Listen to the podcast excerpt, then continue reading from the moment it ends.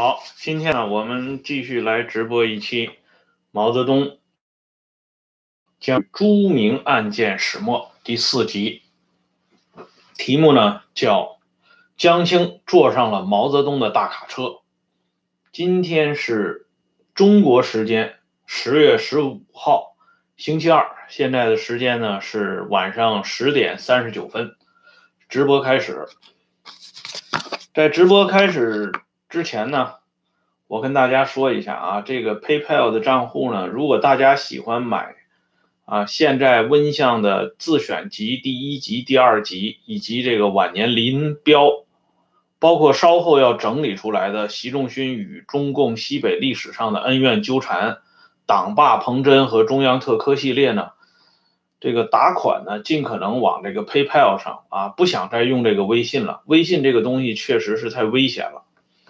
嗯，这个事情呢，跟大家说一下，简单介绍一下。好了，今天呢，我们继续来讲这个江青的话题。昨天呢，就是上一次的直播里边，已经说到一个关键的环节，就是江青通过萧劲光夫妇呢，同叶子龙搭上了线儿。关于这件事情的起尾过程呢，叶子龙晚年有过一个回忆。他说呢，是在洛川会议结束的当天傍晚，他在院子里散步。那个时候呢，八路军留守兵团司令员萧劲光和朱仲指啊，就是萧劲光和他的老婆在一起散步，同时呢，还有一个年轻的女人。这个时候呢，他们碰到了叶子龙，于是呢，萧劲光就向叶子龙呢介绍。啊，他身边的这位年轻的女人是谁？这位年轻的女人呢，就是后来大名鼎鼎的江青。同时呢，萧劲光还向叶子龙讲述，这个江青呢是在上海滩非常有名的一位大明星。啊，他的名字呢，艺名叫蓝萍，啊，等等。于是呢，萧劲光还请叶子龙吃了西瓜。第二天，江青呢就坐上了毛泽东和其他中央以及军委领导同志乘坐前往延安的大卡车上面。江青呢，因为呃这个这一次的回到延安的这个路程呢，为这次路程还特别重视的穿上了一一件哈浅蓝色的旗袍。这是叶子龙回忆的。到了延安之后呢，朱仲指就带着江青到了毛泽东的住处，同毛泽东呢进行了交谈。这是毛泽东与江青的第一次会面。以上呢都是叶子龙在回忆录里边呢为我们讲述的过程。我之所以简略的讲了一下叶子龙的这个回忆呢，就是想跟大家说一下。叶子龙的这段回忆呢，应该说是基本的勾勒出当年江青是怎样同毛泽东相识的这个过程的。不过呢，这里边呢，叶子龙还是隐藏了一些东西啊，就是说他有些东西，这个叶师傅呢，他是实在没办法说，因为说了呢，人也不给他发表。再一个呢，这个确实是呃有那么一点不方便。为什么这么讲呢？因为我们知道啊，俗话说“孤掌难鸣”。毛泽东呢，在同贺子珍闹意见的时候，他的起因不是说像刘英啊、像曾曾志他们回忆的那样，就是说毛泽东和贺子珍呢感情不和，贺子珍呢有时候还动手打毛泽东。或者呢，是贺子珍经常劝毛泽东不要吃那种，啊，就是硬邦邦的东西，那样呢对肠胃不好。可是毛呢坚持要吃这种东西，于是呢两下就说不到一起去了。这些实际上鸡毛蒜皮的东西，不是毛贺分手的主要原因。毛贺主要分手的原因，或许大家也都知道了，就是因为一个女人嘛。史莫特莱介绍的吴丽丽。啊，当时呢是给史莫特莱他们当翻译。这个吴丽丽呢，那个时候就闯进了毛泽东的生活，而且毛呢给吴丽丽写了不少的诗和词，啊，诗词都写了。后来呢，这吴丽丽也没留下多少，因为吴丽丽的介入呢，让这个贺子珍对毛泽东产生了极大的反感和愤怒，啊，两下呢就开始动手动脚了。事实上呢，毛那个时候。对贺子珍早已经就感到厌倦了。他进入到延安以后呢，生活逐渐稳定下来还在其次，而是毛的这个声望日隆。啊，杨尚昆后来是讲过啊，这张闻天曾经说过，在六届六中全会以后呢，张闻天就提出来要交权，要把总书记的位置让给毛泽东，但是毛呢没有同意。不过后来张闻天还是把实际的权力交到了毛的手中，所以就是说呢，在一九三八年十一月十九号，毛泽东请大家吃他和江青的喜酒之前呢，毛实际上已经逐渐取得了党内和军内的最高权力。虽然那个权力在那个时候呢还不是特别完整，但是毛这个时候同遵义会议前后的时候的毛泽东呢已经是截然不同了。而毛泽东呢，在经过最艰难困苦的爬坡之后呢，这老大的心思呢就有了新的变化了，啊，他对生活上的一些要求呢，跟以往也就不一样了。所以，他跟贺子珍之间的这个冲突，表面上看起来是偶然因素吴丽丽造成的，实际上是带有一定的必然性。啊，因为这个老大呢，一旦到了一个新的环境的时候呢。他是一定要换马的啊，身边的这个人呢是要换的。比如说当年到了井冈山的时候，他换成了贺子珍；现在呢到了延安的时候呢，就换成了江青，这是很自然的事情。所以为什么我们讲这个江青？和毛泽东的这个见面，事实上本来的这个真相呢，没有像贺子龙写啊叶子龙写的这么简单。事实上是什么原因呢？啊，感谢这位朋友打赏啊，请温相喝咖啡，谢谢啊，我这儿有水啊，非常感谢。而且还有一个什么问题呢？就是说，将啊有的朋友在网上。就是聊过这个咱们这个党史的节目，我个人认为，我的这个温相说党史呢，这个节目我更喜欢用这种漫谈的形式呢展开。我认为我的这个温相说党史呢，更多的类似于这种直播型的散文，而散文的核心呢，就是形散而神不散，啊，就是想用这种。散漫的漫谈，同大家呢慢慢的进行交流，把党史上的一些啊过去的事情啊一些接近真相的部分呢，跟大家呢一点点的把它播出播出来。对一些已经被颠倒了的东西呢，我们再把它颠倒回来，再把它理顺，就是这么个意思。而这个江青同毛泽东见面这件事情呢，是一定要掰扯清楚的。刚才我已经说了，孤掌难鸣。实际上，伟大领袖呢，从邓大姐那儿已经了解到了，这上海滩的大明星蓝萍到了延安了啊，到了陕北了。所以呢，这个叶子龙不是偶然的同这个散步的萧劲光碰到一起的，而且那个时候的萧劲光呢，叶子龙的回忆也有误。那个时候的萧劲光啊，谢谢大客的打赏啊。那个时候的萧劲光不是八路军留守兵团司令，那是在毛泽东同江青见面之后发生的事情。那个时候的萧劲光正式的职务是中央军事委员会参谋长，说白了就是毛的参谋长。啊，谢谢徐老弟的打赏啊。而那个。叶子龙这个人呢，当时的正式职务是什么呢？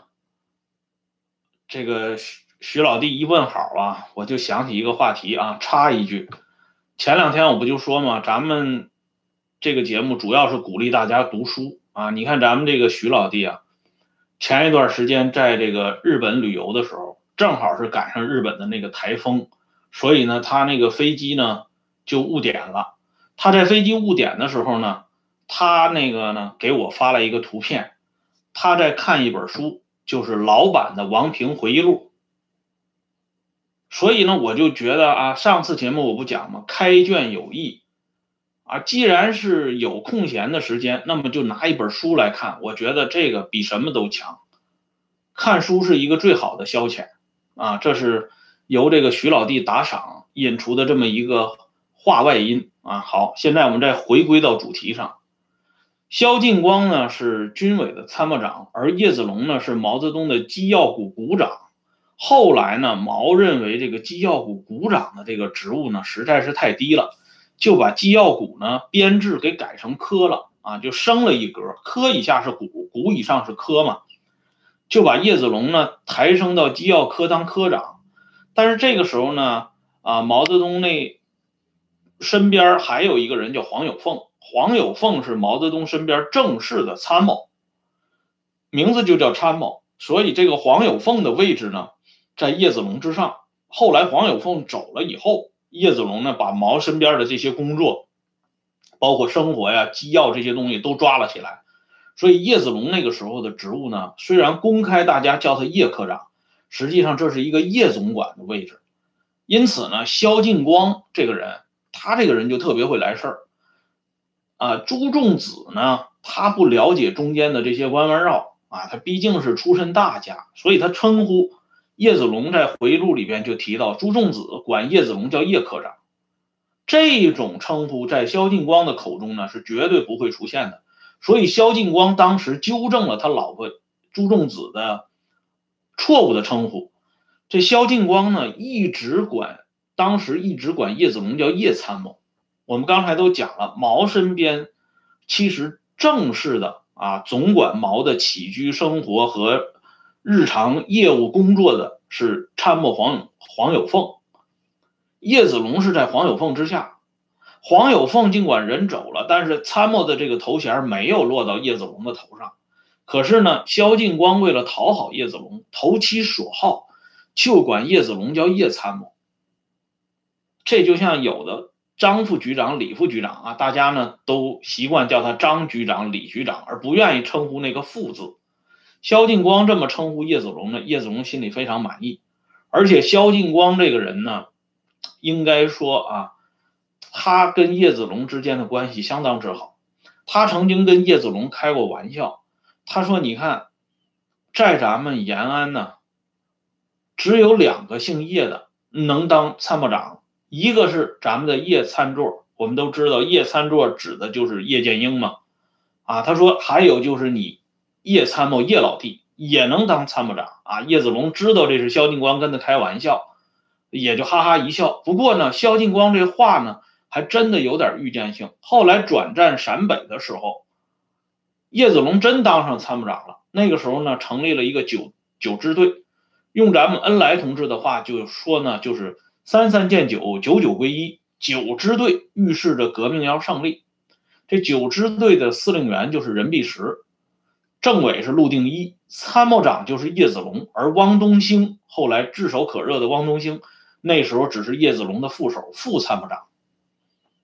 而这个叶子龙在毛泽东身边到底有多重要啊？我给大家举一个最简单的例子：一九四九年三月二十五号晚上，毛泽东呢进入到了颐和园，就是正式进到北京城了。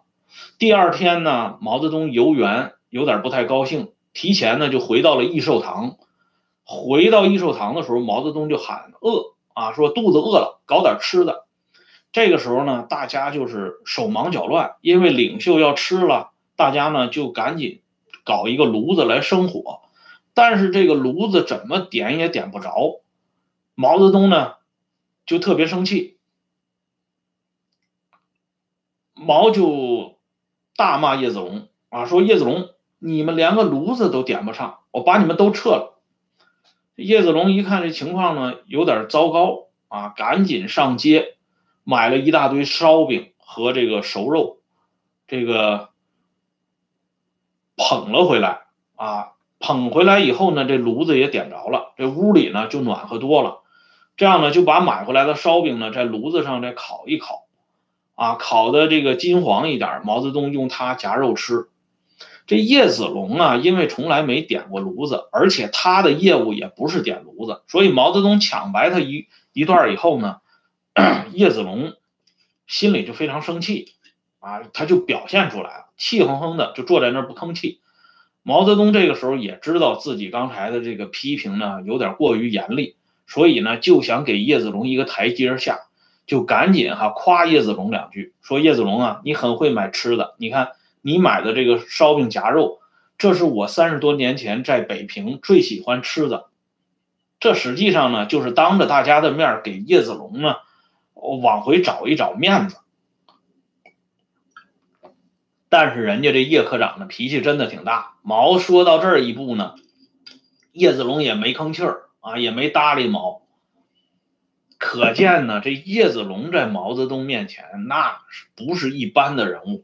所以，人家萧劲光为什么挖空心思对这位叶参谋极尽恭维之能事，其实也就可想而知了。而萧劲光、朱仲子领着蓝平啊，就是江青在这遛弯，怎么就这么寸的就碰上了叶子龙呢？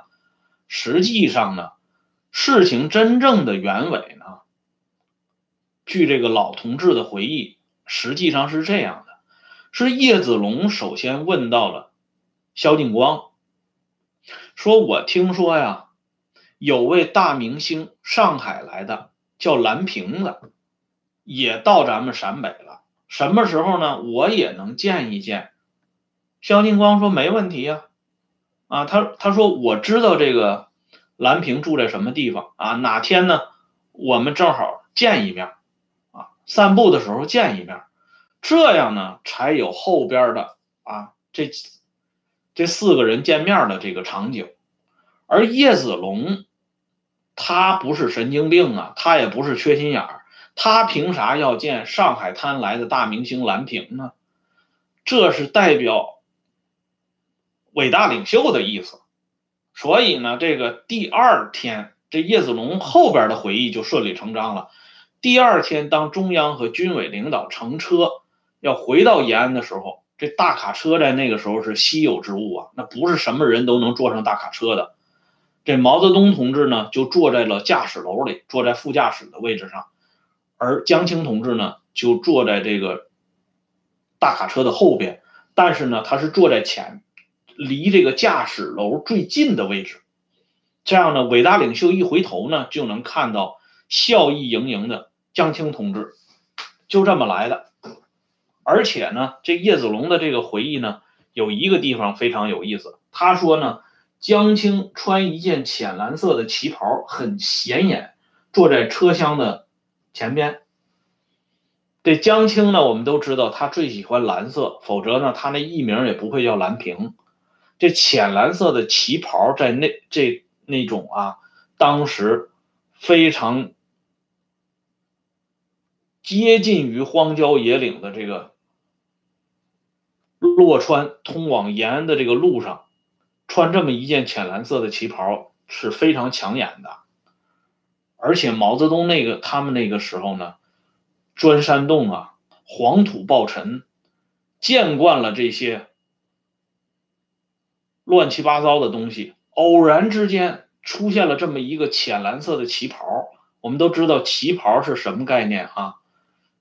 他是那种半遮半露的吗？所以这伟大领袖一看呢，印象就更深刻了。谢谢张先生的打赏，这是您第八次了啊，非常感谢您对节目的支持。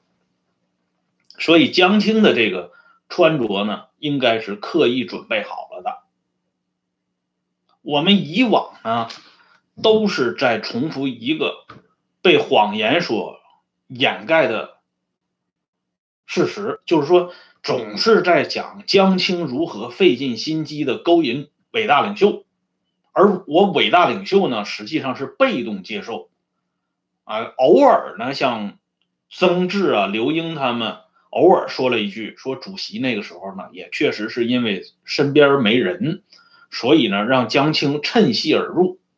但是我们都知道，老百姓有一句非常有名的俗话，叫“苍蝇不叮无缝的蛋”。你伟大领袖如果身边缺人的话，是不是一定要找江青这样的呢？而伟大领袖身边为啥缺人呢？他为啥要把贺知珍赶走呢？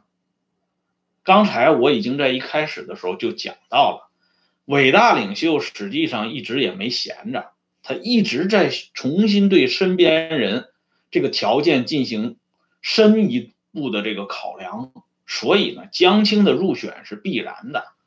而且刚才我已经讲过了，这叶子龙首先问的萧劲光。蓝屏在哪儿？这个左倾革命啊，我们知道这左翼革命啊，谢谢这位朋友的打赏啊。左翼革命最大的特点就是蔑视人伦、轻贱生命、藐视道德、突破底线，就这十六个字。这蔑视人伦的具体体现呢，就是。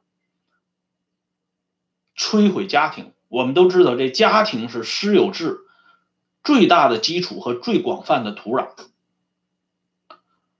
私有制保护的是私人的财产，一个人只有在财产上获得保障和自由，他才可能形成独立的思考和独立的人格。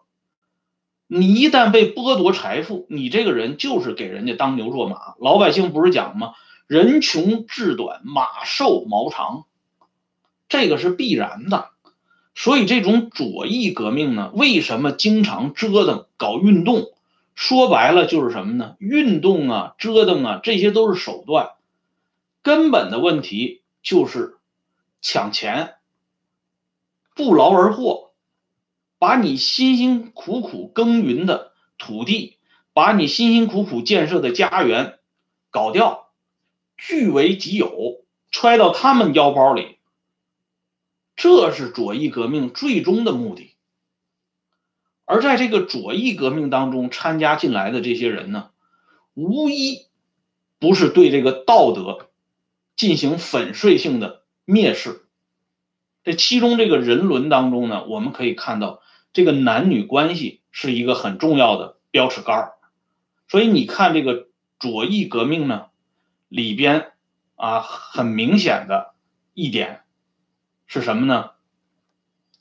这里边有很多，我们之前也讲到，你像吴先清，她丈夫宣中华刚刚被杀害，她呢就很快同慰问她的刘鼎滚到一张床上去了。后边呢，在严整风沈干进入热烈阶段的时候，范元贞。完全不顾及李瑞的生死，就与邓丽群搂到一块儿去了。这个东西是一个很正常的，所以你看这个左翼革命当中的这些女性呢，参加进来以后呢，很快就陷入到一种混乱的、颠倒的这种生活状态当中。他们对于啊组建家庭，啊对于忠贞的爱情，对于尽到母亲。啊，妻子，啊，媳妇等等这些应有的这些义务和责任一概藐视，不在乎，他们没有家庭的概念，他们认为以天下为家，以四海为家，以组织为家，这是他们经常强调的。所以呢，这种投身到革命里边的这些女青年们，其实她们更懂得什么叫。身体是革命的本钱，或者说身体是革命最大的本钱。比如说江青同志，他就是最懂得这个本钱的概念。他在上海滩的时候，他的这个本钱那可不是一般人能够触及的。这里呢，我给大家举一个例子啊，江青后来呢，曾经同戚本禹之间讲过，啊，就是江青非常气愤的同这个戚本禹讲。说我当年在上海滩闹革命的时候，这有不少这坏蛋呢，老想占我的便宜，啊，谢谢这位朋友打赏，老想占我的便宜，什么概念呢？比如说啊，江青举几个例子，他说，首先周扬的弟弟，他说周扬的弟弟呢，直接就提出来要跟要跟我搞这个横的关系，发展横的关系，江青就没答应，没答应呢，这周扬呢，居然不跟江青接这个主织关系，所以这江青就特别生气。田汉的弟弟啊，就是田园，他说田园也要啊提出来跟我发生横的关系。我也没答应，这田园也很生气，还有这廖沫沙，廖沫沙也想占我的便宜。这江青呢就举了好几个例子，然后江青就非常生气的说：“我都没跟他们扯啊，我是要做英雄的。”江青说，确实是说过这句话。江青后来在延安的时候也说过这句话，他说：“我一定要当英雄，我当不了英雄，我也要当英雄的老婆。”而且呢，据这个莫文华，他的老婆回忆这么一件事，我给大家看本书啊。这个莫文华的老婆叫杨峰，在萧华的儿子啊写他妈妈王新兰的回忆录里边呢，提到这件事情，说这个莫文华的老婆杨峰呢，同萧华的老婆王新兰之间谈过一次。他说那个时候江青在延安的时候就讲过，说我呢想得到什么就一定能得到。所以，这个莫文华的老婆杨峰就说：“说你看，他后来处心积虑的跟主席搞到一起了，实际上他早就有算计。其实这些东西还都是啊，基于这种传统的党史教科书向我们所宣泄的这种观点，就是江青去巴结毛，去想方设法的勾动毛，这个只是问题的一方面。如果毛不愿意，这两个人怎么能滚到一个被窝里呢？”我们经常讲物以类聚，人以群分，什么样的人才会找什么样的人，对吧？这个是一个非常简单的常识，但是这个常识呢，在过去的时间段里，经常被人们有意或者无意的忽略了，或者说故意的掩盖起来。这里呢，咱们具体要说一下啊，这个，呃，要澄清一点啊，江青说的话也不完全对。啊，比如说他说周扬的弟弟要跟他发展横的关系，这个正确。田汉的弟弟田园要跟要想跟他发展横的关系也正确。这个事儿呢，当时是田汉让他的五弟，就是田寿林，后来化名叫田园的，照顾江青。这田园呢，跟江青照顾来照顾去，两个人就有感情了，所以人家田园才提出来要追求江青。这不是一上来就就要。就要乱搞的，但是呢，江青那个时候呢不同意。江青那个时候之所以不同意，是因为江青那时候已经看上导演张民了，所以他不同意这个穷小子田园的要求。但是这田园这个人呢，他是喜欢这个走死一条道走到黑的。他那个时候不怎么就看上江青了，对江青呢一直就念念不忘。可是这念念不忘可是耽误大事了，因为这田园呢，在一九四九年突然暴亡。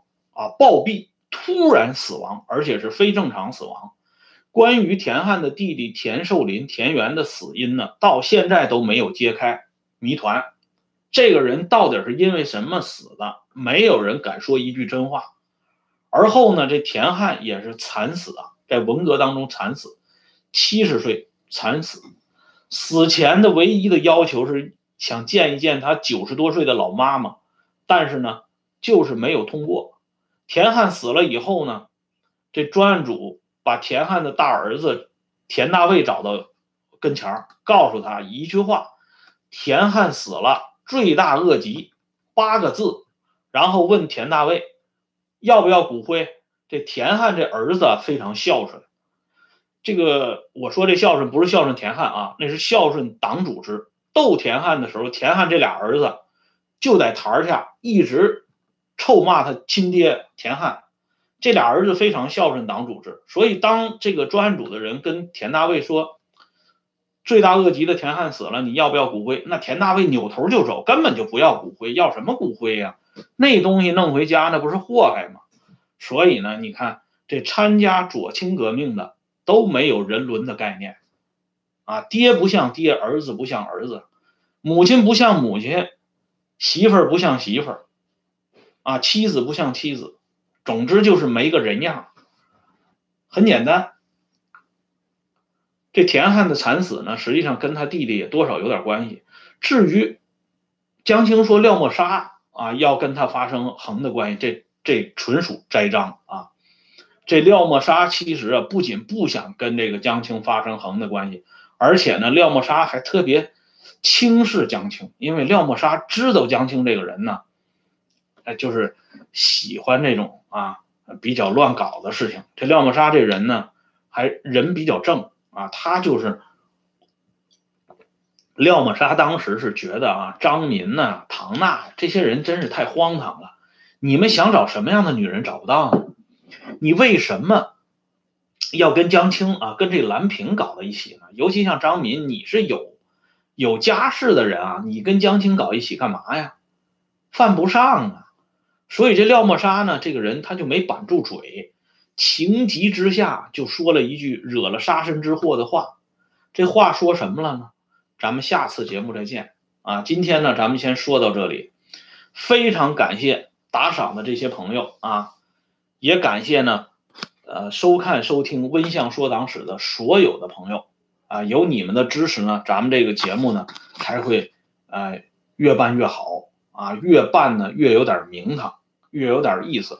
好了啊，电报群的链接呢我已经给大家了，搞这个《温相说党史》的电报群呢，就是咱们找一个私人的领地进行呢读书和聊天的这么一个地方。啊，欢迎大家呢加入这个温相说党史的电报群，聊一聊历史，聊一聊读书。好，今天的话题呢就说到这里，谢谢大家，再见。